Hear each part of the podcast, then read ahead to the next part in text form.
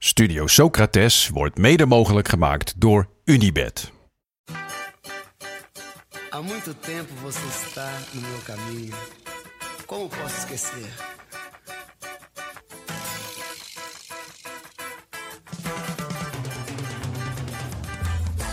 Welkom bij Studio Socrates, een podcast over alles wat voetbal mooi maakt. Met deze week een bijzonder fenomeen: de eigen goal. Beleza é você, menina. Menina, no seu jeito de olhar. Sócrates tirou! Gol! Sócrates! Lindo gol de Sócrates! Menina, no seu modo de andar. Vanaf het moment dat ik op voetbal ging, speelde ik met Jelle. Jelle was vrij lang, sommigen zouden zeggen slungelig, en had benen die vaker niet dan wel deden wat hij wou. Een lieve jongen die graag voetbalde, maar niet per se de meest talentvolle van zijn lichting. Hij belandde, niet geheel toevallig, op de linksbackpositie. Een positie die vroeger, in tegenstelling tot het huidige voetbal, over het algemeen werd beschouwd als het afvoerputje van het team. Slechts de keeper had minder aanzien, alhoewel dat per week nog wel kon veranderen. Jelle pikte met enige regelmaat zijn goaltjes mee. Helaas vrijwel altijd in het verkeerde goal. Zijn persoonlijk record? 8 goals in één seizoen. Waarvan 7 achtste in het verkeerde goal terechtkwam. Ook presteerde hij het ooit om vanaf de helft van de tegenstander onze binnenkant paal te raken. Die ene goal die hij in het juiste goal maakte, dat seizoen, was trouwens een schitterende stift. Dat dan weer wel. Maher met de hoekschop en dan toch binnengekopt. Het is eh Bergström of was het een eigen goal? Want eh, de camera wordt gericht op Sven van Beek en dan weten we het meestal wel. Acht goals. Ja, waarvan, waarvan 7 achtste. Ik, ik weet niet hoeveel procent het is, maar. Eh, jullie? jullie? Nee. eh, ja, hij heeft er ooit eh, zeven in één seizoen gemaakt. En hij, kijk, hij had alles in zich om een speler naar jouw hart te zijn. Hij was niet de snelste. Hij was lang, links, Links, linksbedig. Maar hij had, ja, hij had net niet dat, dat je ne sais quoi waar jij, eh, waar jij, zo, van, eh, waar jij zo hitsig van wordt. Hij had niet die finesse van een linkspoot. Dat miste. Nee, nee. Hij had, hij had hele lange benen, al, al vrij jong. En een heel kort broekie, waardoor die benen ook nog langer werden. En die benen gingen alle kanten op. En Hij linksback en dan Boris eh, rechtsback. Boris was eigenlijk altijd met van alles bezig, behalve met de wedstrijd. dus het was echt een heerlijk duo eh, achterin. Ja. Mooi. Lekker. En eh, acht goals is... eh dan kan je dus zeggen dat Sven van Beek ook dat record heeft verbroken. ja. Nee, maar dit was in één seizoen. Ja, oké. waar, seizoen. Dat is waar. Nou, we gaan straks nog uitgebreid over Sven van Beek hebben. We zullen hem niet al te veel aan de schandpaal nagelen, dat zullen we beloven. Nee, ja, maar de statistieken liegen niet, toch? Precies, dus hij moet genoemd worden. Maar eerst, eh, hoe is het met ons?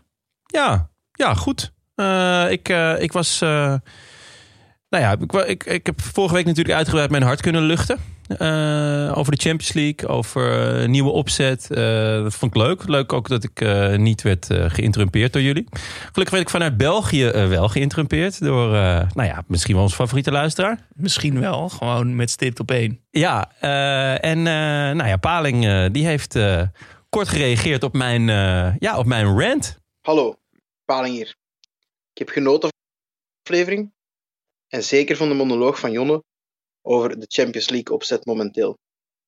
Het klopt wat je zegt dat het moeilijk is voor de landen zoals België en Nederland, voor de clubs uit die landen, om ver te geraken in het huidige format.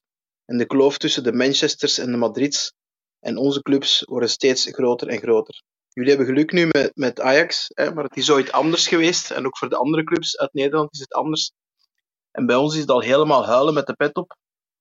We dachten na een gelijkspel tegen PSG dat Brugge er was en in de voetsporen van Ajax kon treden. Maar helaas is het anders uitgedraaid. Ik denk dat er meer heil is in een Beneliga. Um, daar is al heel wat onderzoek naar gebeurd. En ik denk dat dat een goede stap zou zijn voor de Nederlandse en Belgische teams om de aansluiting met de top te kunnen maken. Hoe staan jullie hier tegenover? Is het misschien geen slecht idee om hier een special aan te wijden? Ja, dat is helemaal geen slecht idee. Ten eerste eh, altijd goed om, eh, om Paling even te horen. Dankjewel. Ja. ehm, dat is zeker een heel leuk idee. Ik denk eh, dat het, dan, dan zou het wel leuk zijn om ook een, een, een Belg te horen. Ja, een. Belg en een Nederlander. Met Ja, Met beide perspectieven. Nou, ik weet al wel welke Belg we, we gaan uitnodigen daarvoor. Paling? Paling zelf natuurlijk. Klinkt alsof hij erover heeft nagedacht. Ik Zeker, vertrouw me blindelings in. Ja, en, en, en er is natuurlijk, wat hij ook zegt, is, er is al best wel wat onderzoek naar gedaan. Eh, dus ik zou eigenlijk ook wel iemand die daar dan aan mee heeft geholpen. eh, eh, ja, die ons wat spreken. meer kan vertellen Ja, dus over... Ben of ken je zo iemand, eh, dan horen we het graag. Eh, mijn eerste gevoel, ik weet niet hoe het bij jullie zit, maar is, is nee. Ja, Van, ik, ik weet niet waarom, maar ja, ook omdat ik gewoon echt heel erg veel waarde hecht aan de eredivisie. Dit is, het is misschien omdat ik slecht tegen verandering kan of zo, maar... Nee, dat wilde, wilde ik al zeggen. Ja, jij kan volgens mij niet zo goed tegen verandering, Nee. Jonne. ik, weet, ik dacht in eerste instantie ook... Van, nee, wat een onzin. Dat is weer, gaat weer om geld en weet ik veel wat. Maar toen ik inderdaad beter over na... of meer erover ging lezen... werd ik eigenlijk toch wel een beetje, beetje warm ervoor. Ja, ik zie het ook wel zitten, omdat ik, ik kijk de laatste tijd wat vaker ook Belgisch voetbal vanwege Club Brugge. Ja. En dit weekend was ook weer Club Brugge Anderlecht. En als je dan dat ziet, dan lijkt het me toch wel leuk voor de verandering om eens een aantal jaar tegen dat soort teams ook te spelen. Eh, en het voelt niet heel ver weg. Het is natuurlijk ook niet zo heel ver weg. Dus volgens mij eh, zou dat prima passen. Ja, ja, ja. Er is, is eigenlijk. Ik, ik, ik zal eh, wat, aan wat introspectie gaan doen komende kerstvakantie. En kijken waar dat gevoel vandaan komt. Dat het niet gewoon puur en alleen angst is voor het onbekende. Precies, laten we het niet meteen afschieten. Dan wat er dit, eh, dit weekend mooi was.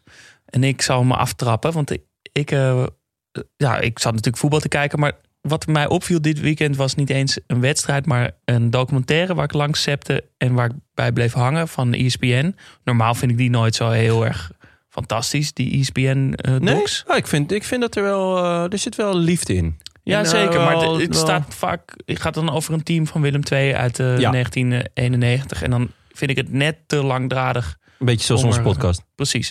Eh, maar, maar deze documentaire heette De Turkse Beckham. Een documentaire over niemand minder dan Oer Yildirim. Ja. Eh, en het was fantastisch. Hij is zo vet. Hij is zo aardig en sympathiek en met zelfspot, maar ook heel gedreven en slim. En eh, hoe hij terugkijkt, vooral ook over die drie dagen Nederlandse elftal die hij heeft meegemaakt.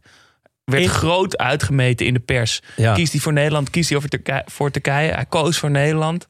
Dacht dat hij een kans had. Heel Turkije viel over hem heen. En hij speelde drie dagen. Ja, en het lullig is, hij heeft nooit in een oranje shirt gespeeld. Nee. Nee, maar wat voor een shirt. Ja. Ja, want ze hadden toen dat zwart-witte shirt. Ja. Die was wel vet. Een statement tegen racisme was dat geloof ik in Ja? een wedstrijd tegen Engeland. Oh. Ja. En eh, ik zie dat beeld ook gewoon nog steeds voor me. Yildirim in dat shirt. Met die mat Ja. Ja. En dat, die piekige zwarte haren met ook wat rood erin, volgens mij. Ja. En natuurlijk ging ook over eh, Zidane en het WK vrije trappen. Want hij heeft gewonnen toch van Zidane? Ja. Ja, klopt.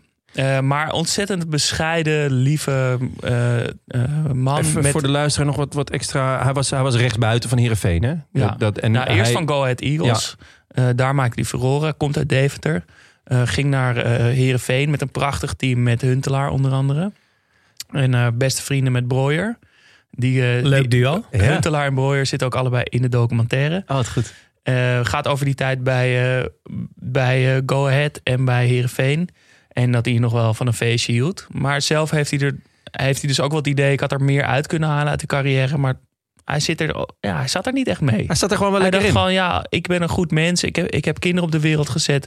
die ik met liefde kan opvoeden, waar ik tijd voor heb.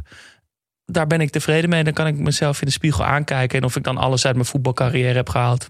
Ach Heb- ja. Weet je toevallig eh, waar hij naar Heerenveen naartoe ging? Want dat kan ik me niet meer helemaal Nou, hij is naar Turkije gegaan. Ah, ja. En daar, eh, ja, dat is gewoon een moeilijke, moeilijke voetbalwereld Ja. die hij niet helemaal kende. Maar zelf was hij heel blij dat hij toch iets van zijn eigen cultuur heeft meegekregen Ja. daar. Dus hij is er zelf is hij daar heel, eh, heel tevreden mee. Is daarna nog naar AGOVV gegaan. Eh, en nu trainer bij jeugdelftal van Go Ahead. Vet. Volgens mij ook een ontzettend goede trainer. Streng, is- maar rechtvaardig. Ja, en, en, eh, en een vrije trappentrainer moet toch ook wel na de training... Ja. moet je blijven hangen wel als hij trainer nou, dat zo zeggen. eindigde de documentaire ook. Wat ik echt prachtig vond. Want je ziet hem geen één keer die vrije trap nemen natuurlijk. En helemaal aan het eind van de documentaire... met dat jeugdelftal eh, er, ernaast... zegt hij... oké jongens, ik zal het nog één keer laten zien. En dan schiet hij dus in één keer die bal... met een prachtige curve in de bovenhoek. Oh, ik Zalig. toch altijd wel benieuwd hoeveel takes dat dan heeft gekost. Maar laten we uitgaan van één. Ja, en daarna met z'n allen juichen. Dat is- dat was echt een mooi shotset. En Leuk. jullie jongens, ik heb straks misschien nog eentje. Oké. Ehm, ja, ik heb iets gezien wat echt schitterend was. Want ik kwam namelijk een filmpje tegen op internet... waarbij Ronaldinho en Romario samen op het strand in Rio de Janeiro... aan het beachvoetballen waren. Eh voetvolley. En er was een, eh, ja, voetvolley. Er was een, ehm, een stadionnetje opgetuigd midden op het strand. Hele publiek, eh, hele, hele tribunes vol. En Ronaldinho speelde met Felipinho, Romario met Tavinho. Dat zijn twee bekende Braziliaanse spelers. Eh, tegen elkaar met live commentaar tijdens het spelen. En dit was echt goed. onlangs. Ja, dus. dit was onlangs. Goed, Ronaldinho inmiddels 41, Romario 55. Poeh. En het was echt ouderwets. Ronaldinho die bijvoorbeeld een no-look service deed. Hele publiek uit zijn dak. Of die, eh, ja, terwijl het natuurlijk helemaal niet nodig was, een schitterend hakje deed. Eh, en de hele tijd, en dat vind ik zo fascinerend aan die sport, die borstpaas. Ja, ja, ja. ja. Die gewoon drie meter perfect in zo'n boogje Ja. naar de medespeler gaat. En ja, ik, ik ben daar geweest in Brazilië. Ik heb het eindeloos geoefend. Het is echt niet te doen. Nee. Zo moeilijk. nee, het is echt puur timing, hè? Heb Ja. je geoefend voordat je naar Brazilië ging? Je Nee, dacht, ik dacht, het een eh, beetje in de smiezen krijgen om niet een totale flater op de Copacabana te slaan. Nee, ik dacht, ik red me daar wel. Ik kan wel een beetje voetballen, ik red me daar wel. Maar als jij die borstpaas niet beheerst, dan ben je gewoon kansloos. Toch die Amsterdamse arrogantie, hè? Ja, en eh, ik ben behoorlijk op mijn plek gezet daar hoor, kan ik je zeggen. Het is Maar echt dat- timing. Is echt geweldig om even terug te kijken. En eh Ronaldinho, ja, het plezier spat er nog steeds vanaf. Ja. 41 al, dat vind ik wel... Ja, de tijd gaat snel hè? We worden man. oud. Ja. En jij, Jonne? Nou, ehm, ik eh, zag echt een schitterende assist van Noah Lang op, eh, op je boy, de ketelaren. Charles. Ja, en ehm, het, het was een heel beetje atypische assist. Want eh, Lang komt meestal vanaf links. Dit keer kwam hij vanaf rechts. En hij sneed naar binnen, dus hij ging eigenlijk naar zijn linkerbeen. En het was heel vol in het strafschopgebied. En met buitenkant rechts, hij duwt hem bijna ineens eh, eh, ja, door de verdediging heen. En ook een schitterende loopactie van de ketelaren. En die staat eh, alleen voor de keeper. En die, die volgens mij ook door de benen van de keeper. Ja. En ehm, ja, ik kreeg daardoor nog meer zin om, eh, om naar een wedstrijd van Club Brugge te gaan. ja, maar dat roepen we al een tijdje. Dat roept wel een tijdje. En volgens mij hebben we nu ook eh, een plan. We hebben een plan. Ja, eh, 26, 27 februari. Dan zijn wij in eh, Brugge. We gaan, de, de 26 op zaterdag, dan spelen ze. Ja. Dus bij deze een oproep aan alle luisteraars. Alle met, een Belgische kleine, luisteraars. met een kleine corona-disclaimer natuurlijk. Ja. Laten we bier gaan drinken. Ehm, Ja, we hebben ooit eh, via Twitter een eh, vraag gehad van ehm, Gregory Missine. Wanneer komen jullie naar Brugge en hoeveel bier en bedden voorzien we? Nou, van dit aanbod eh, maken wij graag gebruik. drie bedden, alstublieft. Drie bedden en nou ja, drie kratjes gewoon, denk ik. jullie kennende. Nee, Ja. maar laten we, we willen ons graag laten wijzen, ook door iemand die er verstand van heeft, waar we dan moeten afspreken, waar we Ja. bier moeten drinken. En, en kom. Ja, Het dus, lijkt ons ontzettend leuk om met jullie in Brugge bier te drinken en het over voetbal te hebben. Ja. En over andere dingen. dus eh, ja, dat is eigenlijk eh, het plan. We houden jullie op de hoogte als we, als we tickets hebben of, we- of we het al definitief kunnen bevestigen. Maar dit is het plan en eh, sluit je vooral bij ons aan. Oh ja, ik had nog één dingetje. Oh, voordat vertel. we gaan naar Klaboe. Ik Ja. heb ook namelijk nog genoten van eh, ehm, Fiorentina tegen Sassuolo. Ah, Kijk zo. Ja, jij kijkt natuurlijk elke week naar Berardi eh, bij Sassuolo. mijn shirt is binnen. Ah, Ja, Ah, ja alleen lekker. hij is dus eh, geleverd bij degene van wie ik hem voor mijn verjaardag kreeg. Eh, voor de luisteraar, mijn vrienden hebben me 27 september op mijn verjaardag een shirt van Berardi gegeven. Maar nadat EK-succes was dat shirt overal uitverkocht. dus die kon pas in december weer geleverd worden. En hij is dus nu gearriveerd in Amsterdam-Noord. Eh, ik moet hem daar even ophalen. Maar dan zal ik er zeker een foto van maken. Italië-shirt Berardi nummer 11 achterop. Mooi. Kan niet wachten.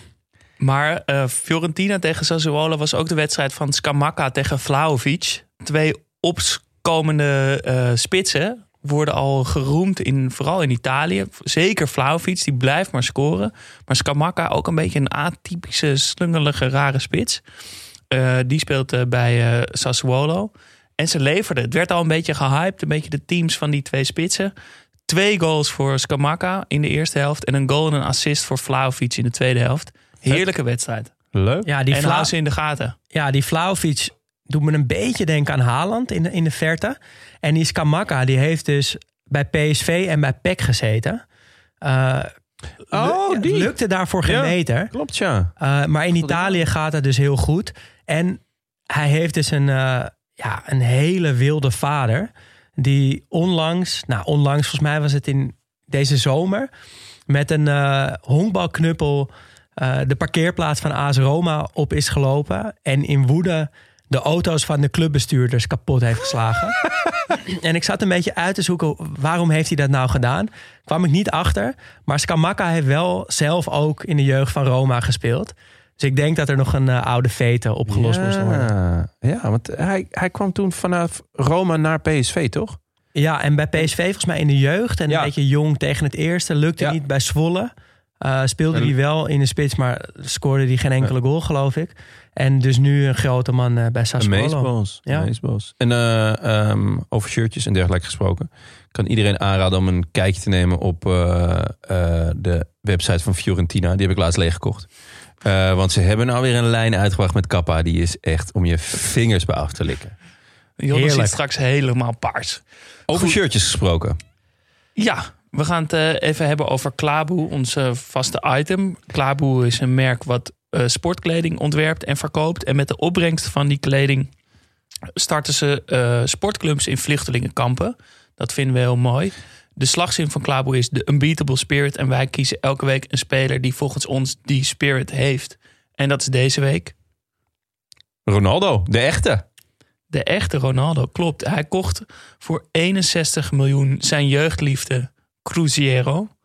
Tweede eh, niveau van Brazilië spelen ze nu, zijn in geldnood. En hij gaat ze er weer bovenop helpen. Dat is wel heel vet. Maar Ja, hij, Gaat hij ook weer voetballen? Nou, ik denk heeft- het, dat het verstandig is dat hij dat niet meer doet. Hij- misschien is hij nog steeds wel de beste, maar het Ja. gewoon doe toch maar niet. maar hij zei daar eh, hele mooie dingen over, toch? Over Ja. die overname. Ja, en daarom, dat is ook wel waarom hij eh, onze Klaboe-speler van de week is geworden. Want hij, hij schreef een open brief op, eh, op Twitter en op Instagram. Die ik zo liefdevol en zo mooi vond, dat ik hem ook ga voorlezen. Wow. Moet ik een candlelight muziekje eronder zetten? Ja, doe maar. It's my turn to try and open doors for the team. Not as a hero, not with superpowers to single-handedly change reality, but with immense responsibility. With intelligent and sustainable management for medium and long-term growth. I don't have all the answers to the questions that I ask myself, and I possibly won't have all the answers to the questions that you will ask me. But what I do know is that the kid who learned at Cruzeiro that dreams can come true today makes me believe that it's possible to rescue the club from crisis. Wauw. Echt vet. Nederig, liefdevol, positief, enthousiast. Ja. Echt mooi. En ehm, we hebben dus die shirts binnen inmiddels. Van Klaboe bedoel Van je? Klaboe. Ja. En eh, als, we er, als we Ronaldo er eentje willen sturen, dan hebben we wel een XXXL nodig, of niet? Ja, dat is zeker zo. ja. Maar eh, Ronaldo komt dus in onze Klaboe rijtje spelers. Ehm, neem een kijkje op klaboe.org of via Instagram de Klaboe en steun dit mooie sympathieke merk. En zoals Jonne net al zei, eh Klaboe is zo lief geweest dat omdat wij ze elke week noemen in onze uitzending, eh, ons shirts op te sturen. Eh, we hebben er al een keer eentje verloot. We hebben er zelf alle, alle drie eentje. Eh, en we gaan volgende week er weer eentje verloten aan onze vrienden van de show. Dus wil je nou ook zo'n shirt? Hij is geel met soort groen-blauw. Eh, en ons logo staat erop. Ehm, word vriend van de show. Dan eh, maak je volgende week kans om een, een shirt toegestuurd te krijgen. En we hebben ook weer twee nieuwe vrienden van de show. Teuben Broeker en Octo. Van harte welkom. Jullie maken dus ook kans op, op ons Klaboe shirt. En dan is het nu denk ik tijd voor, eh, voor het thema van deze week. Namelijk eh, de eigen goal. En dan vraag ik me wel af, of tenminste ik hoor het jullie je afvragen. Waarom is dit nou een van de dingen die voetbal mooi maakt? Ja, het is natuurlijk ook iets, iets pijnlijks. Ehm, en het was deze week extra actueel, want we hadden eigen goals van Casanvirio, van Senesi en van Wellenreuter. Het is natuurlijk, ja, is het nou mooi? Het ja, dat gewoon- denk ik wel dus. Ja, en het is gewoon fucking grappig. Vaak. het is vaak echt fucking grappig. Ja, maar ook hartverscheurend Ja. tegelijkertijd. Maar voor mij is het net als bijvoorbeeld een indirecte vrije trap of een rode kaart of bijvoorbeeld een opstootje of een, of een hele zieke panna. Een soort fenomeen wat er in zo'n wedstrijd gebeurt, waardoor die wedstrijd even stopt of zo. Die flow van de wedstrijd die wordt even doorbroken. En je moet, gaat even weer rechtop zitten. Je denkt, hé, wat heb ik nou, wat heb ik nou net gezien? Ja. Dit ken ik niet of zo. En daardoor is het zo'n soort speciaal momentje. Ja. Ja, ik vind dat je dat goed zegt. En mooi ook zegt. Dat het eh, de flow van een wedstrijd doorbreekt. Maar ik zat ook nog te denken. Er zit gewoon überhaupt in het leven zit er schoonheid in verdriet, toch? En ook wel in knulligheid. Ja, zeker. Eh, en dat heeft een eigen goal ook heel erg. Want ik denk dat op een voetbalveld er niks knulliger is dan een eigen doelpunt. Want het feit dat je een bal in je eigen doel schiet is al heel knullig.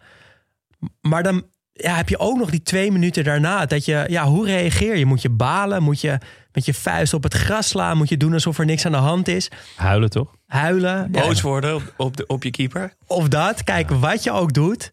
Het is gewoon knullig. En die knulligheid is heel mooi, vind ik. Ja, de emotie, de spijt, de vreugde ook aan de andere kant. Ja, het moment dat ook. Want vaak is het. Soms, soms zijn het heel snelle eigen goals natuurlijk. Maar heel vaak is er anderhalve seconde al dat ze realiseren dat ze een eigen goal. Uh, Senesi had het ook dit Ja. weekend. Omdat hij, ja, hij gaat echt ervoor om die bal terug te spelen op de keeper. En dan pas op het moment dat zijn hoofd omhoog doet, ziet hij dus dat de, ja, dat de keeper niet blijft staan. En dan is de bal, die zit nog niet. Maar het moment, hij weet al van oké, dit is niet meer. Het allerleukste is als ze dan ook nog gaan proberen om Ja. alsnog te houden. En dan met de bal in hun eigen goal terechtkomen. Dat is helemaal... Ja, of een dubbele fout maken inderdaad. Het moment dat ze het willen redden, dat ze het nog erger maken. Ja, daar heb ik eh zometeen wel een lekker, eh, lekker verhaal bij. Ehm, hebben jullie zelf ooit een eigen doelpunt gemaakt? Laten we daarmee beginnen. Nou, laat, laat ik hem, eh, laat ik hem nog maar aftrappen. Het is me één, één keer overkomen. Eh, ik eh, zat denk ik in de datejes. En eh, toen was ik nog niet de, de tall, dark en handsome dude die jullie kennen. ik was wat klein, om niet te zeggen de allerkleinste. Ik, ik, ik, ik at vrij veel, maar pas vanaf mijn zestiende ja, werkte dat ook echt. En daarvoor was ik gewoon heel klein en sprieterig. En, en, ik, dus ik moest als de eerste paal dekken. Cornertje. En ja, redelijk strak aangesneden corner. Eh, draait in. Dus ik ga er vol voor om te kop. Maar hij gaat net over me heen. En achter me staat Gilles. Gilles. Die weten De laatste man, ja zeker. Hardste schot uit de hele selectie. Altijd naast. Maar hardste schot uit de hele selectie. En die volleert hem van de lijn af. Tegen mijn achterhoofd. Eigen doelpunt. Doet me denken aan eh, Aaron Lennon en Garrett Bill. Die hebben hem een keer precies zo ook eh, gemaakt. Ja, maar die zat Ja. recht in zijn gezicht. Ja, oké, dat was het inderdaad. Dat was nog mooier. Ja, Nou, huilen. Echt Maar huilen. ik vind dit wel een verzachtende omstandigheid. Want daar, daar kan je echt niks aan doen. Je kan er niks aan doen. En toch, en toch heb jij hem gewoon gemaakt. Weet je, Ja. als ik er niet had gestaan, zat hij niet. Als jij nog net iets kleiner was geweest. Ja, dat had, dat had geholpen. Of als ik niet had, niet had ges- gesprongen naar, naar de bal, zeg maar. Maar eh, ja, dus eh, het, het was ook echt hard. Een hard, harde poeier. Een ouderwetse poeier. Eh, Ja, en, dus en het feit met dat je... tranen in mijn ogen richting die midden, middenstip. Ja. Ja, en het feit dat je het nog steeds herinnert. Dat zegt Ja. ook wel genoeg over de Ja. impact die een eigen goal maakt. maar ik herinner al mijn, al mijn doelpunten hoor. Ja, oké. En jij dan? nou, ik heb nog nooit een eigen goal gemaakt. En ik, Ja hoor. Nee, echt niet. Ik zweer het je. En ik vind dus ook, kijk, dit vind ik echt een uitzondering. Maar ik zat er een beetje over na te denken. En ik vind een eigen goal maken eigenlijk gewoon echt schandalig. ja, ik, het is bijna altijd gewoon een grote fout. En tuurlijk zijn er uitzonderingen, zoals die van Jonne net en ook wel een paar andere uitzonderingen. Maar heel vaak is het gewoon heel slecht en heel dom. En ik kan me dus ook oprecht niet voorstellen, en het klinkt heel arrogant, maar zo bedoel ik het niet. Maar ik kan het me gewoon niet voorstellen dat ik ooit een eigen goal zou maken.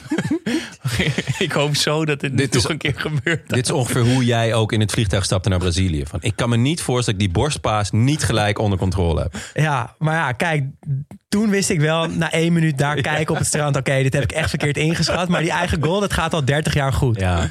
ja. Dus, maar ik heb, wel, ik, ik heb hem wel een keer tegengekregen als keeper.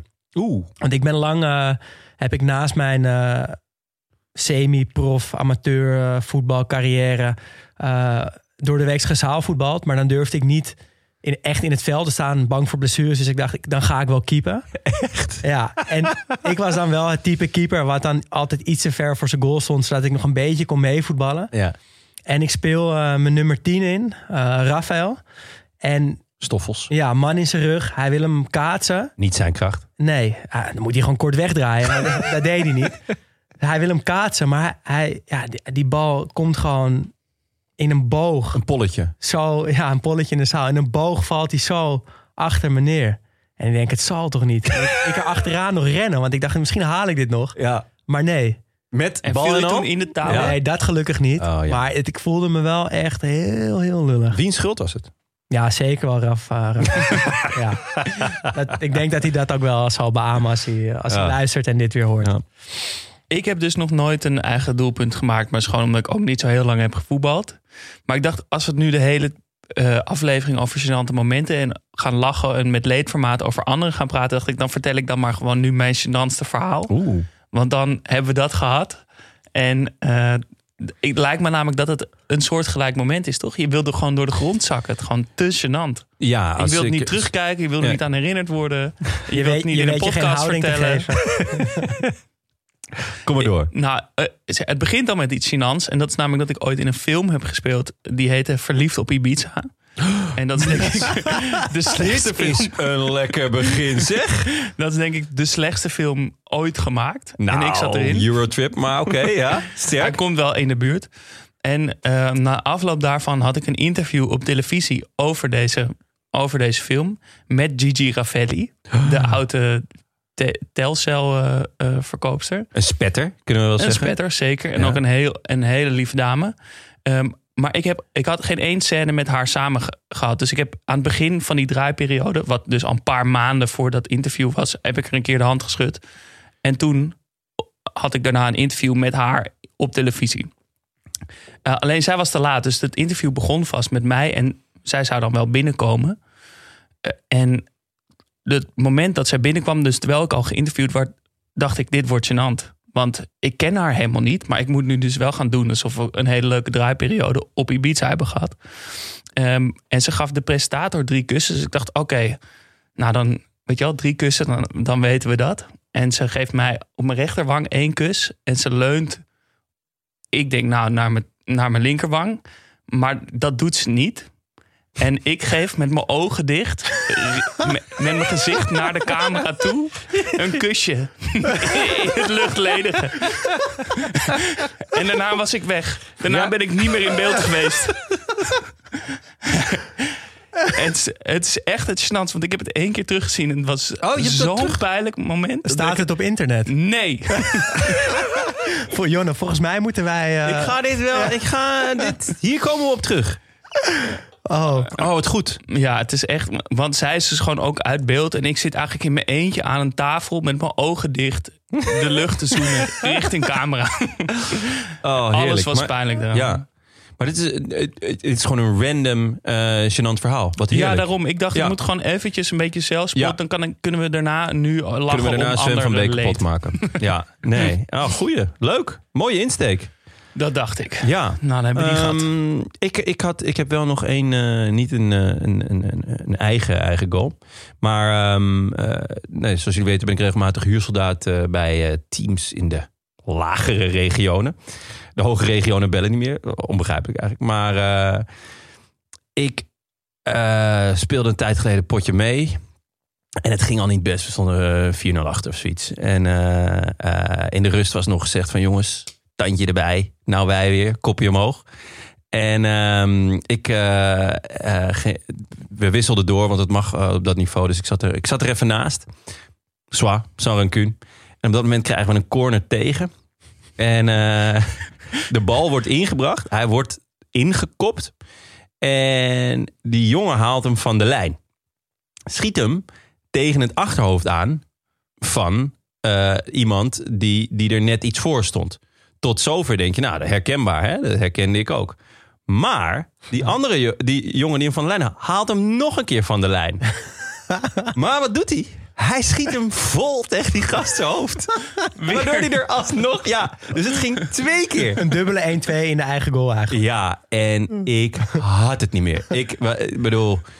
Ja, vooral die, de, de, midda- de, de, de, de, de speech in de rust. Tandje erbij, kopje omhoog. Nou, wij weer. En dan binnen twee minuten deze eigen goal. En ik had het echt niet meer. En ik moest zo hard lachen dat zelfs de tegenstander naar me keek. Van, voor, voor wie ben jij eigenlijk? Ah, dat is echt zo goed. Het was zo goed. Welkom in de kelderklasse. Ja, het was echt... Oh man, wat een heerlijk eigen goal was dat. Mooi. Nee, dus nou, ehm, ja, hebben we so dat, far eh, so good. we hebben dat gehad. Laten we het dan gaan hebben over eigen goals. Ja. En laten we het hebben over wat misschien aan de hand van wat typisch eigen goals, over wat beroemde eigen goals. En laten we dan beginnen met de misschien wel de, de beroemdste eigen goal ooit. Ja, ehm, en, en eh, denk ook gelijk eh, de meest tragische. Ingezonden ook eh, door Laurent van Brugge. Ja. Van de Brugge. Ja, ik, ehm, ik moest hier ook gelijk aan denken. Eh, 1994, eh, WK in, eh, in de Verenigde Staten. Colombia was destijds eh, een, eh, een, een, nou ja, een, een, outsider voor, voor in ieder geval om ver te komen. Met, met grote spelers als eh, Valderrama en eh, Aspria. Eh, echt mooie spelers. En, ehm, maar ja, eh, het ging helemaal niet goed in Colombia toen. Eh, Dus heel veel eh, drugskartels en eh, was eh, allemaal... Achteraf bleken die spelers enorm onder druk te staan. Ook vanuit eigen land, letterlijk, met, met bedreigingen en dergelijke. En eh, Andres Escobar, een, eh, een, eh, de la- laatste man van, eh, van Colombia... die probeert eigenlijk een beetje à la Senesi... een, een voorzet eruit te halen. Speelt hem niet bewust terug, maar de keeper... Ja, die, die maakt eigenlijk dezelfde beweging als, als Bijlo afgelopen zondag. En hij gleed hem in zijn eigen goal. En je zag hem, eh, nou ja, balen. Zoals, zoals dat wel vaker. Maar de trekt een soort van grauwe sluier over zijn gezicht. Colombia was daardoor uitgeschakeld. Ze hadden de eerste wedstrijd al verloren. En drie dagen na zijn terugkeer eh, in Colombia... werd hij met, met zes kogels eh, om het leven gebracht. De officiële lezing was dat, dat het om een uit de hand gelopen ruzie ging.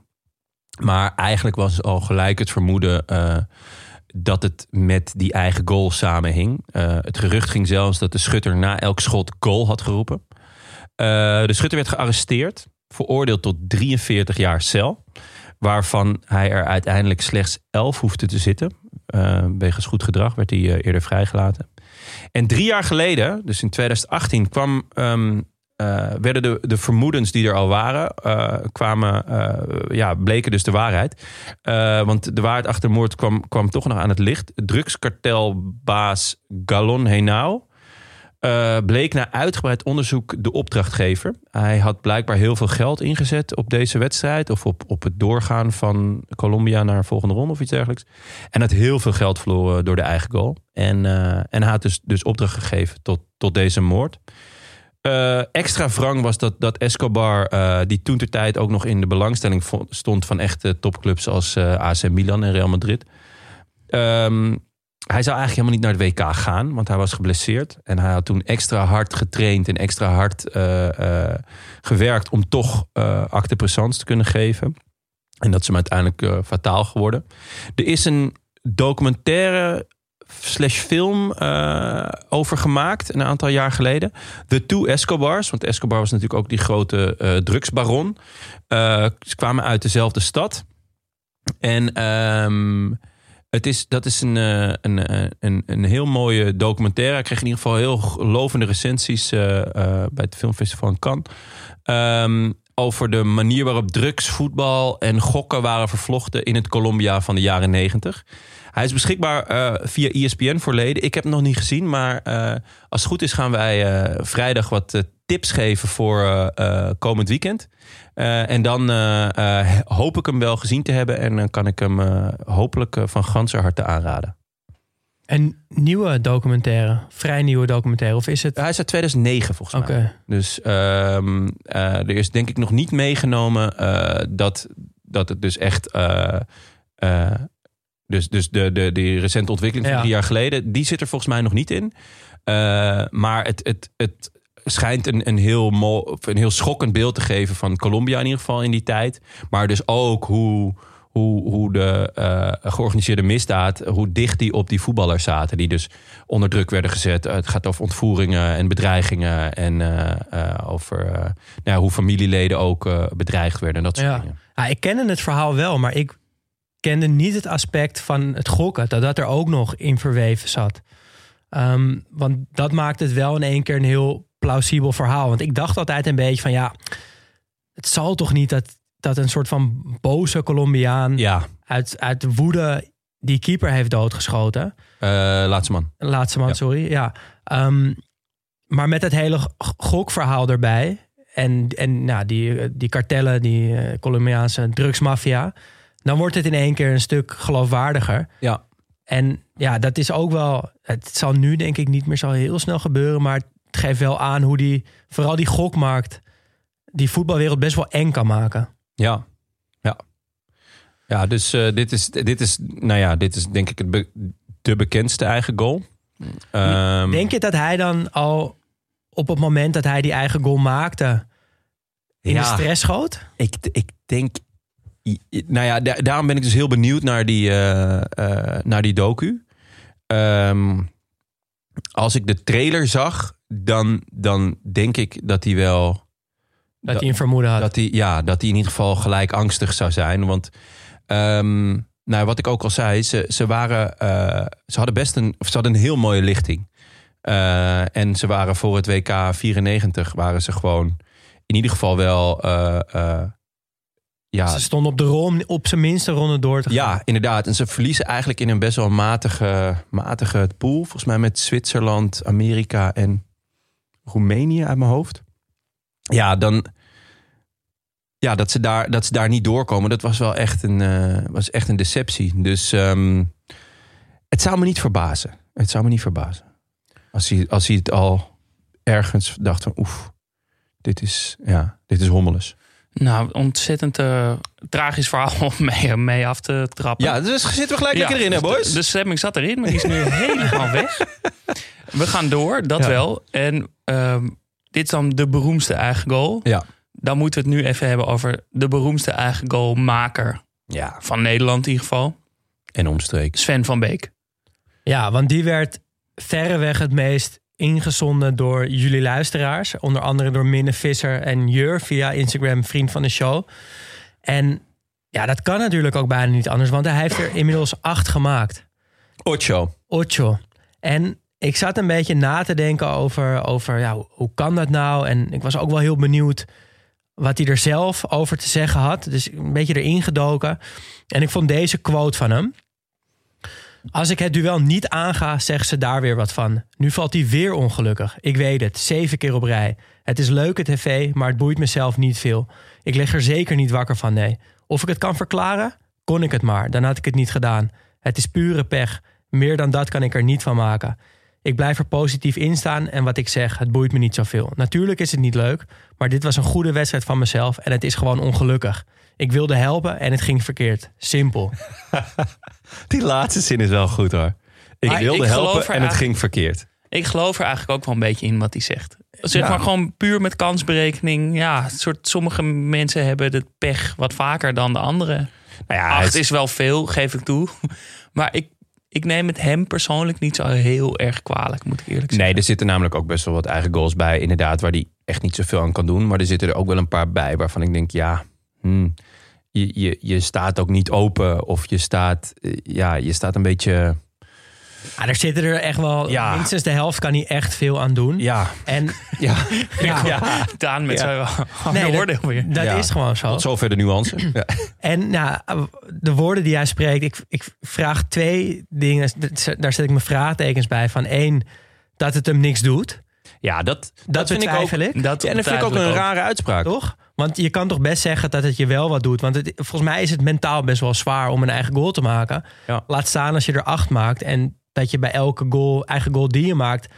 er ook steeds weer aan herinnerd wordt. Want je scherpt steeds je, je eigen record aan. Vanaf hoeveel goals ging het tellen, denk je? Vanaf zijn zesde? Volgens mij was het oude record was, was zes. En hij verbeterde dat toen met 7. En nu heeft hij zijn eigen record dus ook nog eens aangescherpt. Dat, ik, dat vind ik eerlijk gezegd wel echt heel Dat vind ik ook wel heel geestig. Maar ik denk dat het dan bij drie... Ik denk dat het bij drie dat je wel zoiets hebt van... Nou, niet weer, toch? Ja, sowieso. Drie kan nog. Ja, en eh, nou, dat mentale aspect is. ehm, kijk, als het een, een, een, een eigen goal is die er niet zoveel toe doet, dan stap je er best makkelijk overheen. Maar ik, ik, heb, eh, ik heb twee keer een penalty gemist. En één keer deed hij er echt toe. Ja.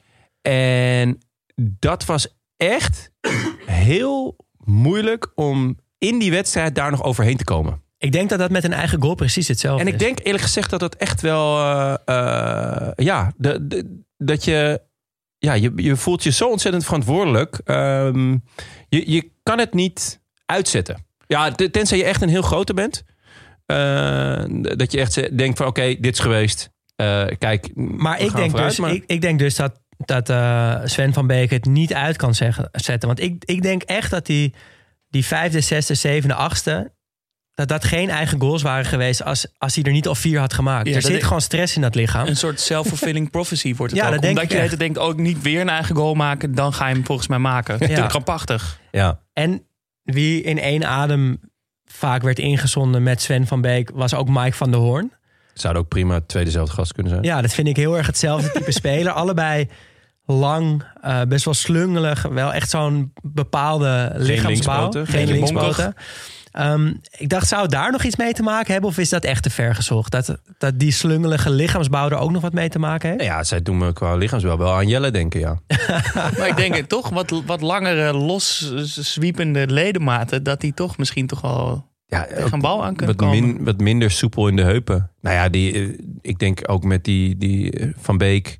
eh, dat we allemaal gelijk die, die tegen AZ voor ons zien. Met eh, Van der Hoorn bedoel je? Of, eh, van de Hoorn, ja. ja. want die, die werd ook ingestuurd door eh, Die is onze wel vriend echt... van de show, Bommy Teugelsdijk. Ehm, en dan gaan we even naar luisteren wat hij daarover te zeggen had. Ik zag dat jullie op zoek waren naar de favoriete eigen goals. En ehm, ik ging even nadenken en dat kan er eigenlijk maar eentje zijn. En dat is natuurlijk de eigen goal van ehm, Magic Mike van der Hoorn tegen AZ in 2013. Want dat is voor mij... Kijk, heel veel eigen goals, die gebeuren per ongeluk. Er wordt gewoon per ongeluk tegen een bal aangeschoten en die, die vliegt het doel in. Maar bij dat eigen goal zie je, zie je van der Hoorn misschien drie seconden twijfelen van wat ga ik met deze bal doen. Ga ik rond me heen kijken en ga ik hem normaal wegspelen of ga ik hem gewoon ver weg schieten. Zodat hij in ieder geval weg is bij de goal. En eigenlijk doet hij het allebei niet. Hij doet het een beetje tussenin en dan gaat het natuurlijk nooit goed. Zij schieten hem heel knullig tegen de paal aan in het eigen goal. En ja, je kan eigenlijk alleen maar lachen als je dat ziet. En ik hoop dat hij dat ook nog steeds doet. Als hij het terugziet. Ah, een, Nou he- ja. een hele leuke inzending. En Ja. dat zijn we misschien nog vergeten te benoemen. Tenminste, ik probeerde dat net een beetje te doen. De factor twijfel dan toch? Ja. Ja, ja, Toch? Van die bal komt, ja, wat ga je ermee doen? ja. En die twijfel is denk ik toch groter als je er al eh, zeven hebt gemaakt.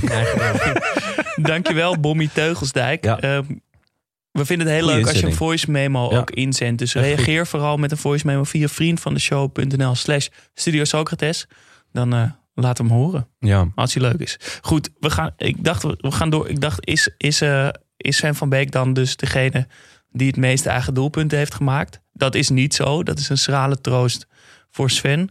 Eh Skrutel maakte er ooit vier in één seizoen. Poeh. Is ook een beetje de Slovaakse Sven van Beek. Met veel tattoos, dat wel. Dat wel. Eh Carragher maakte er ooit twee in één wedstrijd. Dat is ook pijnlijk. Dat Maar- doet me trouwens denken Of- aan eh, ook een inzending van een luisteraar. Ik weet even niet meer wie dat was. Die het heel mooi vond als je een eigen goal maakt en een andere goal en Ja. een goede goal. En dat Ja. dat dan beide zo op het scorebord staat. Ja, Ja. nee. er- ja, en er was dus ook een wedstrijd die 2-1 werd. Waar, maar, Oh ja, drie Waar- keer Chiellini. waar alleen Chiellini had Ja. gescoord. Heerlijk. Dat is wel Ehm, vet. maar de, Ehm, maar als je er twee maakt, twee eigen goals in één wedstrijd, dan is het wel gewoon eventjes vingertje naar de bank en even wisselen, toch? Ja, Dat of voor zegt, jongens. Hè? Of voor die hat Ja, oké. dat, dat je echt denkt, oké, nu gewoon full pool. Maar eh, dat, dat zijn de enige twee opties dan, toch? Ja. Je gaat niet gewoon lekker meeballen als er voor niks gebeurd is. dat, is dat, dat, dat station is wel een beetje gepasseerd, dan, Nee, toch? Gewoon even die, dat wisselgebaar gaat er maken. niet Ja. meer worden. Eh, maar de topscorer aller tijden in eigen goal is Ricardo Ferri van Sampdoria met 12 doelpunten Zo. in eigen goal. Ja. Nou, dan Ja. heeft Sven nog wel... eh, Ja, dat is wel een troost. eh, te gaan. Nog ja. een jaartje of vijf om, eh, om dat in te halen. Ja. Nou, dan hebben we nog eh, een aantal types. Ja, Type, type eigen goals. ja, door de volgende ben ik echt een beetje gefascineerd. Want Ja. wat ik net al zei, van, ik kan me dus zelf niet voorstellen dat ik ooit een eigen goal zou maken. En ik denk dat meer spelers dat hebben. En vooral technische middenvelders, technische aanvallers. Ik kan me niet voorstellen dat, dat die spelers ooit denken dat ze, dat ze een eigen goal zouden maken. En wie in dat rijtje ook wel passen, Aysati, eh, Kramer. En dan niet Michiel Kramer, maar die, van, eh, die lang bij Borussia Mönchengladbach eh heeft gespeeld. Ehm, en die hebben dus wel allemaal ooit een eigen goal gemaakt. En ook allemaal op dezelfde manier. Namelijk hoe ik hem ook een keer tegen heb gekregen als keeper. Een soort van lop over je eigen keeper heen. Terwijl je hem gewoon rustig wil kaatsen. En Ja. Maar, maar echt van ver ook. ja, van ja, best wel ja. ver. Aysati was, denk ik, een metertje of 30. Ja, 25-30 op het Amsterdam Tournament geloof ik tegen Benfica was dat.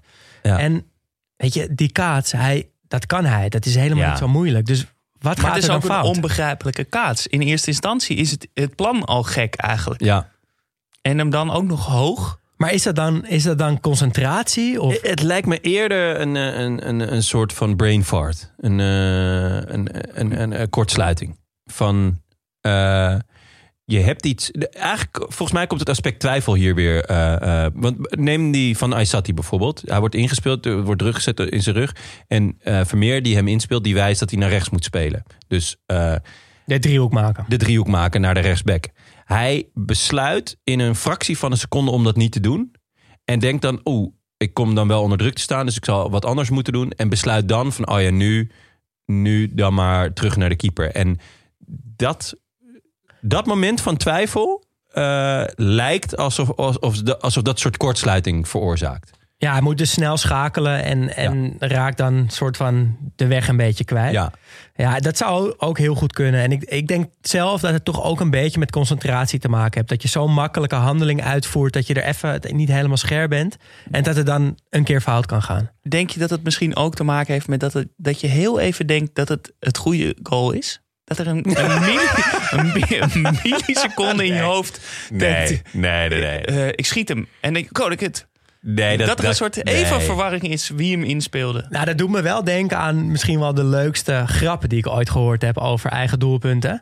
In een eh, ehm, zo'n wedstrijd van Sjaak Zwart en Lucky Ajax. Dat geloof ik, eh Frank of Ronald de Boer schiet hem in eigen goal. En dan hoor je Richard Witsche over het veld. Hé hey Frank, we zijn gedraaid hè? Dan moet je natuurlijk net Richard Wits geven. Ja. Nee, nee, dat, dat kan echt niet. Je weet altijd wel in welk goal je hem moet. Dat is gewoon de essentie. Maar je hebt toch ook wel eens spelers die hem opeens met hun hand, opeens zo hun hand uitsteken? Toch een Ja. soort heel. Toch Ja. je weet dat je die bal niet mag Nou, ik halen. Maar denk toch dat dat er een soort gek reflex. Ik schiet hem. Ik denk Ik dat raak het, hem even aan. Dat het misschien ook wel wat van. gewoon dingen die echt niet kunnen. Daar, daarvan heb je toch soms iets, zo'n gevoel Ja. diep van binnen dat je dat toch een keer wil doen. Ja, dat ja. als je langs het water loopt, dat je denkt. Ik moet niet mijn sleutels in het water gooien. Ja. En dat je, dat, dat je dat dan je- heel veel soort. Ik, ik gooi, je gooi ik nou bijna mijn sleutels in het Precies. water? Ik, Ja. heb, ik heb het een keer gehad, toen was ik, eh, stond ik nog achter de bar. En eh, de lichten gingen aan en eh, ik begin met schoonmaken. En ik probeer iedereen een beetje eh, de tent uit te vegen. En dan staat een meisje, die staat gewoon voor de bar. Die pakt de iPhone. En ik had zo'n bak met water om in te spoelen. En ze pakt de iPhone en ze doet zo, hop, gooit zo die iPhone in die bak met water. Ik denk, wat doe je nou? Zij zei, ik weet het niet. ik zeg, "Go- zo gooi je. Geen idee, ik bedacht het ineens. Dus ja, nou ja, goed, als je... Ik denk dat dat wel kan. Ja, jij denkt... eh, Ja, dat gevoel herken ik wel heel sterk. Van je wil soms gewoon. Voel je diep van binnen dat je iets wil doen wat echt niet mag. En dat, heb, dat kan ik me wel Nou, voorstellen. eh, Goed, we gaan, eh, we gaan door met de opzettelijke eigen goal. En ik heb daar een verhaaltje over. Want ja, mooier dan, dan dit is het nooit geworden. Maar wat bedoel je eigenlijk met de opzet? Of ga je Dus- dat nu uitleggen? Ja, dus een situatie waarin het vereist wordt dat je een eigen goal maakt. Bijvoorbeeld, volgens mij was het Vertongen ooit die Ja, een met- terugspeelbal of teruggaf aan de tegenpartij die per ongeluk in, Ja, hun goal Jong. Ajax, Cambuur geloof ik in een beker. Precies. Ja. En in En toen ruil liet ze daarvoor Cambuur scoren vanaf de maakte ze een soort eigen goal. Maar dat is ook ooit gebeurd eh, in een wedstrijd op de Caribbean Cup in 1994 van Barbados tegen Granada. Lijkt Het een, Begint al goed. lijkt me een zalig toernooi, de Caribbean Cup. Eh, Let een beetje op, want het wordt een, een klein beetje een technisch verhaal, maar het, wordt het, wa- het is het waard, ik beloof het. Het is een, eh, dan nog, nog de poolfase en eh, Barbados moet winnen, anders gaat Granada door. En ze moeten winnen met twee doelpunten verschil. Mocht er geen eh, winnaar uit deze wedstrijd komen, dan zou er verlengd worden met de golden goal regel. En deze golden goal regel was zoals ze in begin jaren 90 was, telde de golden goal in doelsaldo dubbel. Dus mocht het gelijk worden, Barbados had, gelijk, had genoeg aan een golden goal. Dit, zijn, eh, dit is wat er aan de hand is. Wow. Zo begint de wedstrijd. Barbados eh, staat 2-0 voor. Dus so far, so good. Ze gaan door. In de 83ste minuut scoort Granada 2-1. Met nog heel veel te proberen de aansluitingstreffer te maken, denkt Barbados. Wacht eens even. We kunnen nu zeven minuten proberen een, eh, de 3-1 te maken. We kunnen ook de 2-2 zelf maken. Dan hebben we een half uur om die goal te maken. Want we hebben aan één, wedst- één goal in, in, eh, in de verlenging genoeg. Ja. Dus, Ah. drie, de, dus een golden goal bij 2-2 hadden ze genoeg aan. Wauw. 2-1 zouden ze niet doorgaan. Dus ze schieten hem in eigen goal. 2-2. Maar daar gebe- dat gebeurt dus. Ze maken Ja. dus 2-2. Wat doe je maar, dan? Maar dat gaf dus de allerraarste situatie. Want bij 3-2 zou Granada doorgaan. Maar bij 2-3 zou Granada ook doorgaan. Want immers, ze mochten met één doelpunt verschil verliezen. Wauw. Dus er kwam een situatie op het veld waarin Granada in allebei de goals probeerde te scoren. en Barbados allebei de goals aan het verdedigen was. Nee. Nee. Want, want het maakte niet uit waar Granada scoorde. ze konden in hun eigen goal, ze konden in het goal van Barbados. En Barbados had dat door. Wat dus er goed. gingen een clubje spelers in het goal van Granada staan en een clubje spelers in het goal van Barbados staan. Maar wat goed dat ze dat doorhouden ook. Ja, ongelooflijk. Je moet dat gelijk bij de aftrap moet je dat, moet je dat door maar dit is dus iets van 5 à 10 minuten het geval geweest. Ja? Een soort totale chaos op het veld. Wow, dit lijkt me zo vet. Ehm, Maar het gebeurde, trainingsvorm, dat, dat je de bal moet Ja. afpakken en dan scoren zo snel mogelijk. Maakt niet uit waar. Maar het gebeurde niet. Er werd niet gescoord in allebei de goals niet. Dus het werd verlenging. En Barbados scoorde na vier minuten in de verlenging de golden goal. waardoor ze door waren en Granada niet. Oh, wauw. Wat een goed verhaal zeg. Wauw. Jezus. Dus ik denk niet dat er ooit een, een raardere eh, Ik neem- ik slotfase is geweest. gok wel dat ze de regels op de Caribbean Cup iets hebben aangepast inmiddels. Of... De dag daarna al, denk Klopt, ik. en ze hebben Ja. ook een beetje, voor- eh, de, zowel de organisatie als Barbados hebben verontschuldigd voor het verloop van die wedstrijd. Maar ja, het was, het was ook niet helemaal Barbados een schuld. Ik wou net zeggen, zaken zijn zaken. En het was ook wel een hele rare samenloop van omstandigheden. Dat het precies zo Ja. uitkwam dat ze in allebei hier- de goals konden scoren. Als, als goed, neutrale zeg. kijker op, op, op, een droom je hier toch van. Ja. Dat je daar op die tribune zit en dat, dat je denkt, wat gebeurt hier nou? En zelf een beetje gaat rekenen en opeens beseft... Wow, ze mogen gewoon in allebei de goals scoren. Ja, en het grappige is, als ze dan dus in hun eigen goal hadden gescoord, dan had Barbados ook weer razendsnel in zijn eigen goal gescoord. Ja, dan- Waarschijnlijk wel. Dus dan was dat de hele tijd zo heen en weer gegaan. Want je begint natuurlijk met aftrap. Iedereen zijn eigen helft. Zo snel mogelijk die bal naar de, naar de eigen goal. Hop, doelpunt. En dan, en dan is het afwachten tot de scheidsie fluit. Ja. Dan kan je richting een tw- 22-22 stand gaan. Nou, Jezus. gelukkig denk ik wel is dit nooit meer voorgekomen. Is die regel van dat do- doelsaldo afgeschaft. Nou, ik was er wel graag bij geweest. Maar ook, ook goed dat het wel een keer is gebeurd. ja. Dat we dit verhaal hebben. Oh, heel vet. Heel Goed. vet. Eh, dan misschien de meest voorkomende eh, eigen doel dat wordt gemaakt. Het misverstand tussen keeper en verdediger. Terugspelbal, de keeper. Gewoon de drie C's. Communicatie, communicatie, communicatie. Zei jouw trainer dat? Oh, ik hoop wel dat het het moment is dat je je even, eh, even af, afdwaalde, toch? Hoe bedoel je? N- Toen ik dat net dat zei. Nee, gewoon Oh. als, als een trainer begint met communicatie, communicatie. Dat zou wel het moment zijn dat ik denk, nou... Ik schiet hem vandaag toch maar in zijn eigen goal. Eh, kort daarover, is het de, de fout van de keeper of van de, van de verdediger? Ja, dat hangt een beetje van de situatie af. Maar ik vind wel gewoon die classic dat er zo'n voorzet komt. En dat de keeper klaar zit om die bal op te pikken. En dat er een verdediger heel wild met een sliding En nog net zo voor langs zijn eigen goal tik. Dat vind ik wel echt een fout van de Ja. verdediger. Als de keeper zich laat horen tenminste. Klopt. Maar En zoals je- met jou en Rafa, dat was wel duidelijk Rafa's schuld. Ja, zeker. Ja. Maar je hebt ook vaak dat de keeper zijn. zich een beetje aanbiedt aan de zijkant van Ja. de goal. En dat die verdediger Ja. niet kijkt. Dan is het natuurlijk ook altijd de verdediger. Maar goed. Ja, nou, je wordt geleerd als keeper om die bal altijd naast je goal te vragen. Ja. Ja. Dus dat moet een verdediger weten. Dan eh, het polletje. Dat Ja. valt dat onder eigen goal of is dat gewoon pech? Dat is, dat is gewoon wel echt pech, maar wel hele leuke pech. Ja. Het is een beetje als, als iemand die tegen een glazen deur aanloopt. Ja, dat is gewoon feest. Maar ik vind, dat altijd, ik vind dat altijd zo lullig voor die verdediger. Want die heeft dus echt niks fout gedaan. Nee. En die heeft wel gewoon een ad, een, eh, een eigen goal. Ja, eigen niks fout gedaan. Hij heeft hem, hij heeft hem eh, niet naast de goal teruggespeeld. Dat is, Ja, waarom, oké. dat is de regel, toch? Ja, maar, Maar je ja, hebt soms ook nog wel in dat het- hij, dat, hij zo, aanbiedt. dat hij zo schuin gaat. Of inderdaad... Dan dat gaat hij ook nog steeds op goal. Ja, ik, vind- ik vind Je dit toch iets te streng, denk In ik. de regel dus gewoon nooit een terugspel op, op je goal, toch? Nee, dat moet je niet doen. Maar ja, Ja, dat is, de, dat is de regel. het lijkt me zo lullig gewoon. Dat je op eigen, eh, stel nou dat je hebt wat ik heb. Hè, dat je denkt, ik ga nooit een eigen goal maken. En dat dan die keeper over die bal heen trapt. Ja. Ja, lijkt me een nachtmerrie. Ja, maar dat vind ik een gewoon fout van de keeper. Ja, oké, maar, Ja, hij maar staat- ja. jij hebt dan wel een eigen goal gemaakt. Ja, maar het zijn verzachtende eh, omstandigheden. net zoals wel. denk ik die goal die, eh die Senesi dit weekend maakte. Hij moet, hem, hij moet het risico nemen om die bal te raken. Want anders staan er twee aanvallers in zijn rug vrij. Dus ik, dat is ook een soort berekende Ja. Ja, risico alleen van...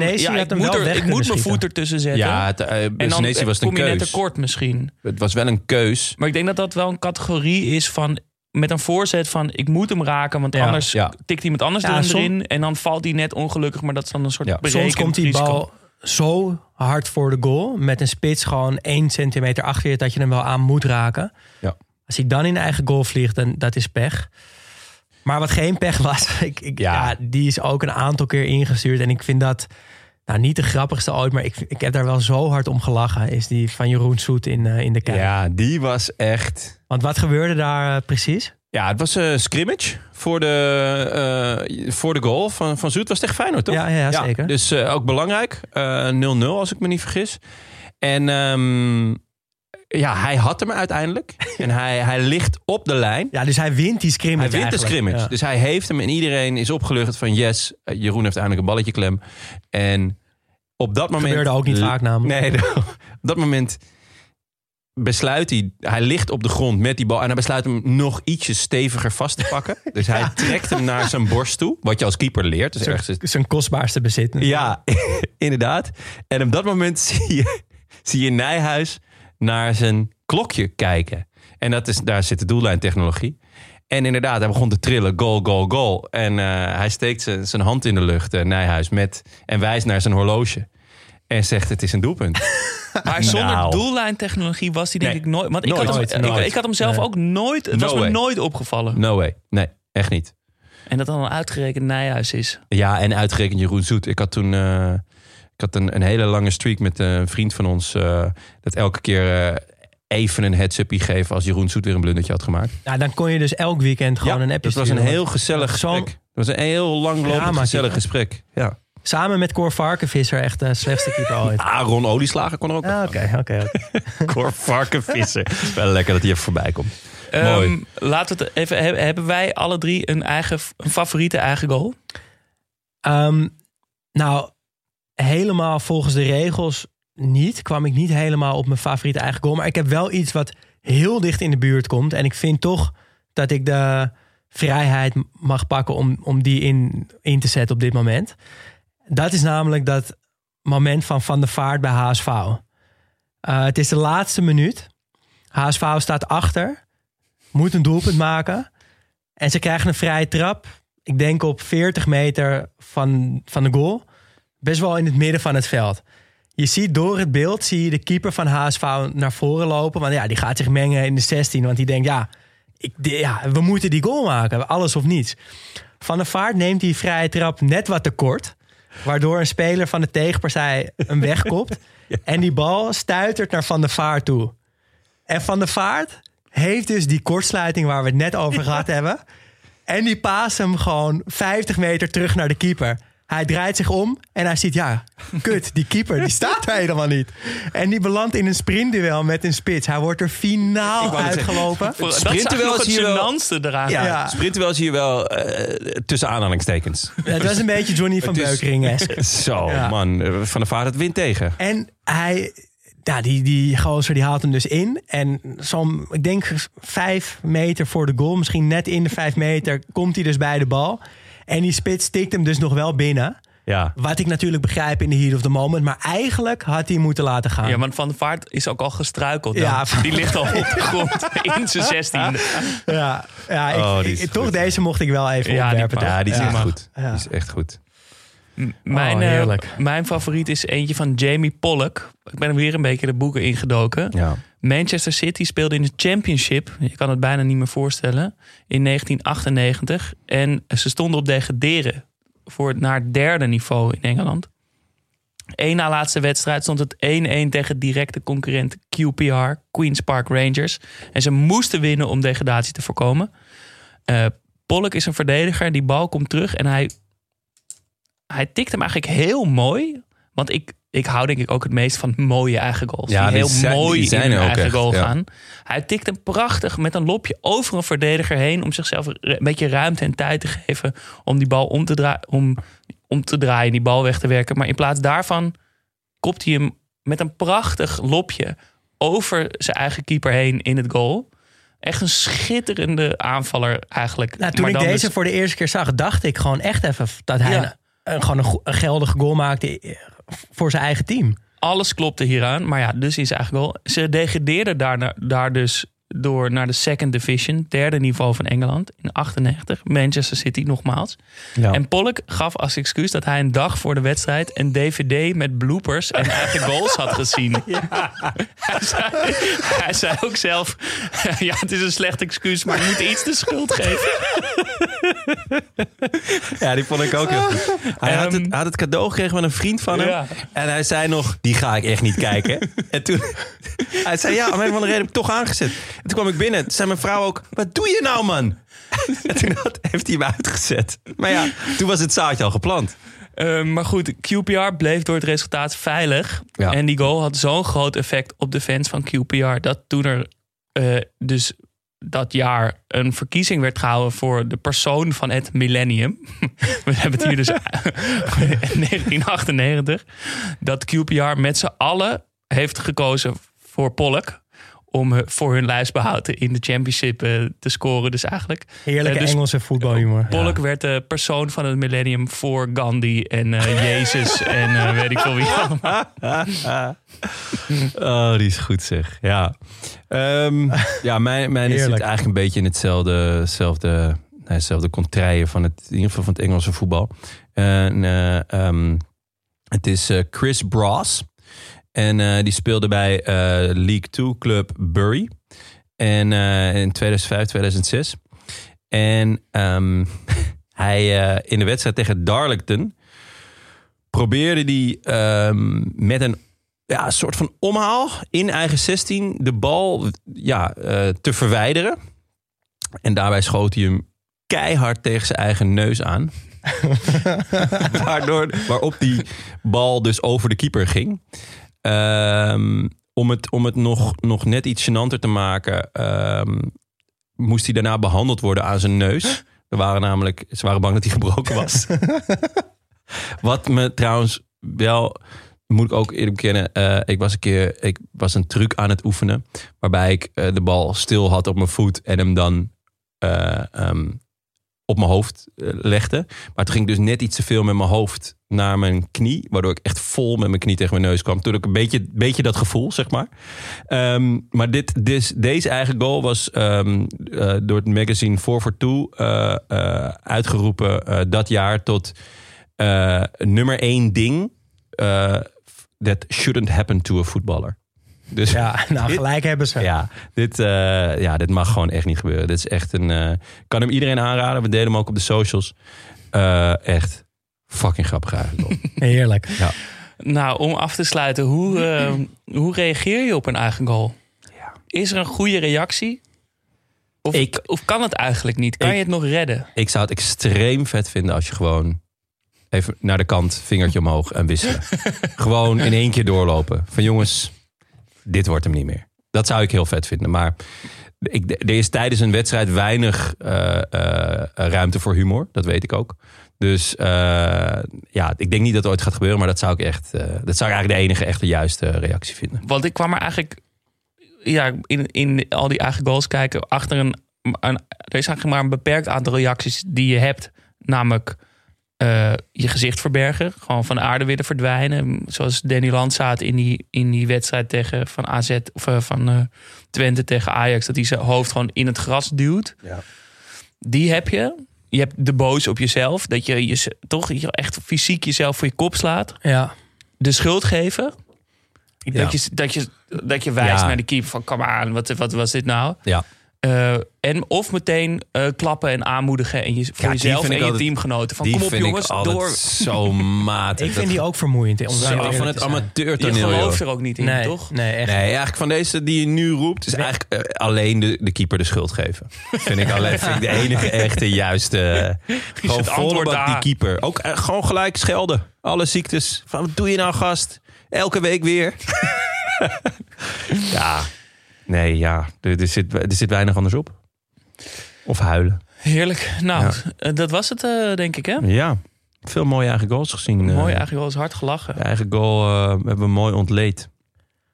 En het was echt eh, heel grappig. Ik heb veel gelachen. Ik ben een beetje uitgeput bij van, eh, van, van deze uitzending. Ja. Op een goede manier. Ja, dus eh, we moeten in ieder geval onze, onze mooiste eigen goals zullen we ook wel even delen via, via de socials. En eh, Ja. En, stuur ze ehm, ook eh, alsnog, als je er alsnog eentje hebt, eh, stuur ze maar lekker op. Ik, eh, Precies. ik heb echt genoten. We hebben ervan genoten. ja. Ja, we zijn een beetje aan het einde gekomen. En normaal betekent dat dat we dan vooruitblikken naar komend weekend. Dat we gaan kijken wat is er mooi. eh, wat gaat er voor moois komen dit weekend. Maar dat doen we deze week anders.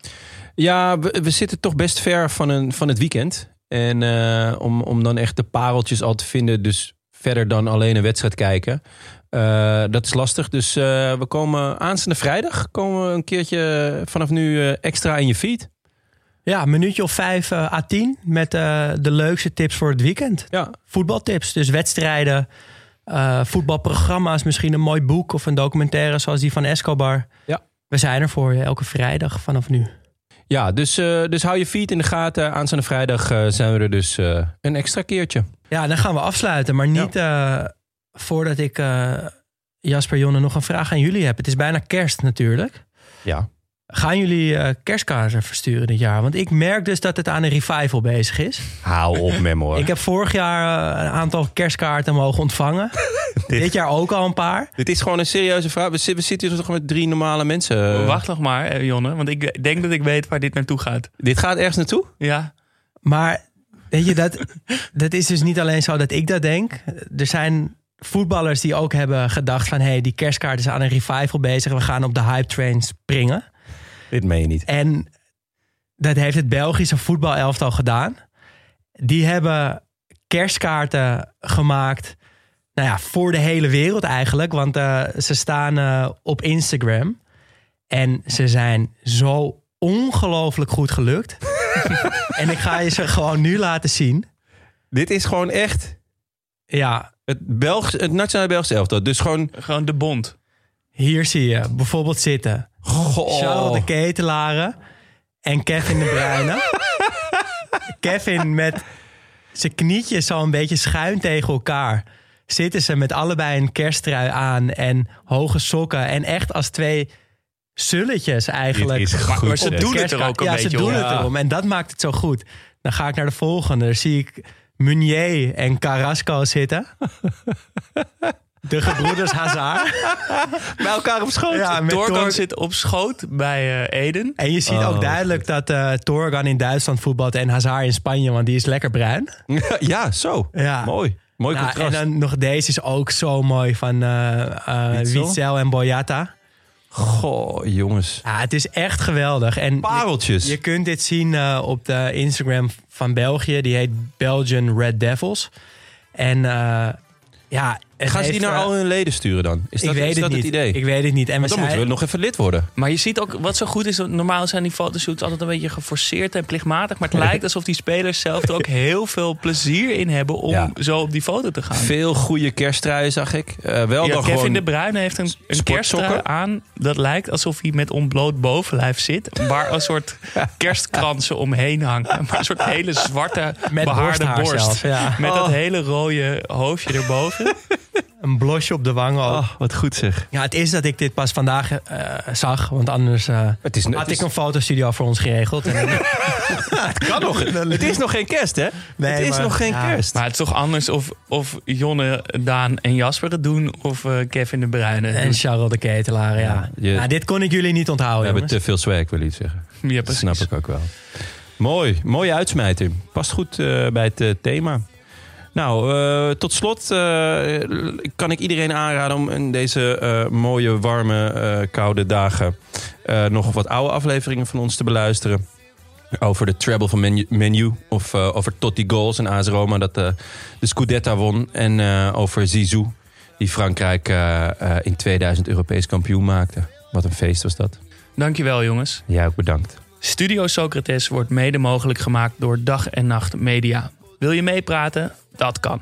Laat een bericht achter op vriendvandeshow.nl slash Studio Socrates of via Instagram studio-socrates. Mailen kan trouwens ook. Ons e-mailadres is studiosocratespodcast.gmail.com Vond je het leuk? Laat dan een review achter via iTunes of word vriend van de show vanaf 2,50 euro per maand en help ons aan die fotoshoot die we al aantal minuten ambiëren, opdat wij iedereen een mooie kerstkaart kunnen sturen. Oh, je kan trouwens tegenwoordig ook eh, sterren en reviews achterlaten op Spotify. Doe dat. Nieuwe feature. Graag. Toen Socrates stopte met voetbal, rolde hij zo de televisiewereld in. Hij was vaak de gast bij de populairste voetbaltalkshow van Brazilië en deed dat met verven. Wat minder goed ging was zijn poging als voetbalcommentator. In 1995 werd hij ingehuurd door Sport TV voor de wedstrijd Palmeiras Corinthians.